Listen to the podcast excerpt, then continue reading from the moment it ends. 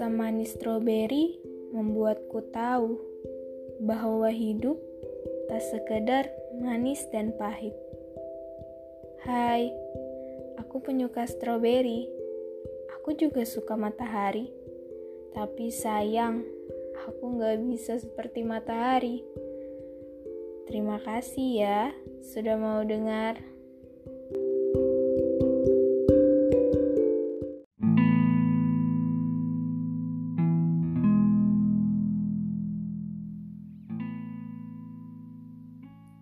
Episode kali ini cukup membawa aku ke cerita masa lalu yang sebenarnya gak buat aku galau berhari-hari.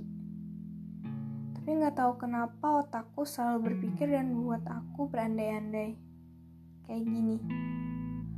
Andai masa lalu itu tetap utuh sampai sekarang ya.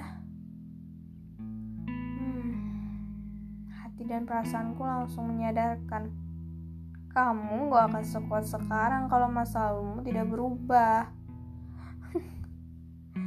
Aku langsung ketawa, tapi mata berkaca-kaca.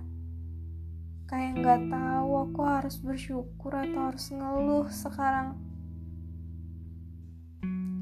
Beberapa hari yang lalu, tanteku bilang, Gak usah jauh-jauh melihat pengalaman hidup orang lain Orang-orang terdekat seperti orang tua, saudara, tante, dan om yang lain udah bisa dijadikan pelajaran hidup buat kamu ke depannya.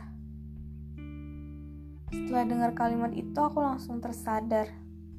Ternyata nggak ada yang lebih sakit dari runtuhnya pondasi cinta dalam keluarga dibandingkan dengan pengkhianatan cinta dari orang lain. Bahkan dari cerita sederhana yang emang gak terlalu menguras energi, tiba-tiba bikin sedih seketika. Dan detik itu juga. Umur di mana aku harus mengerti bahwa berusaha bukan tentang diri sendiri, tapi juga untuk orang lain.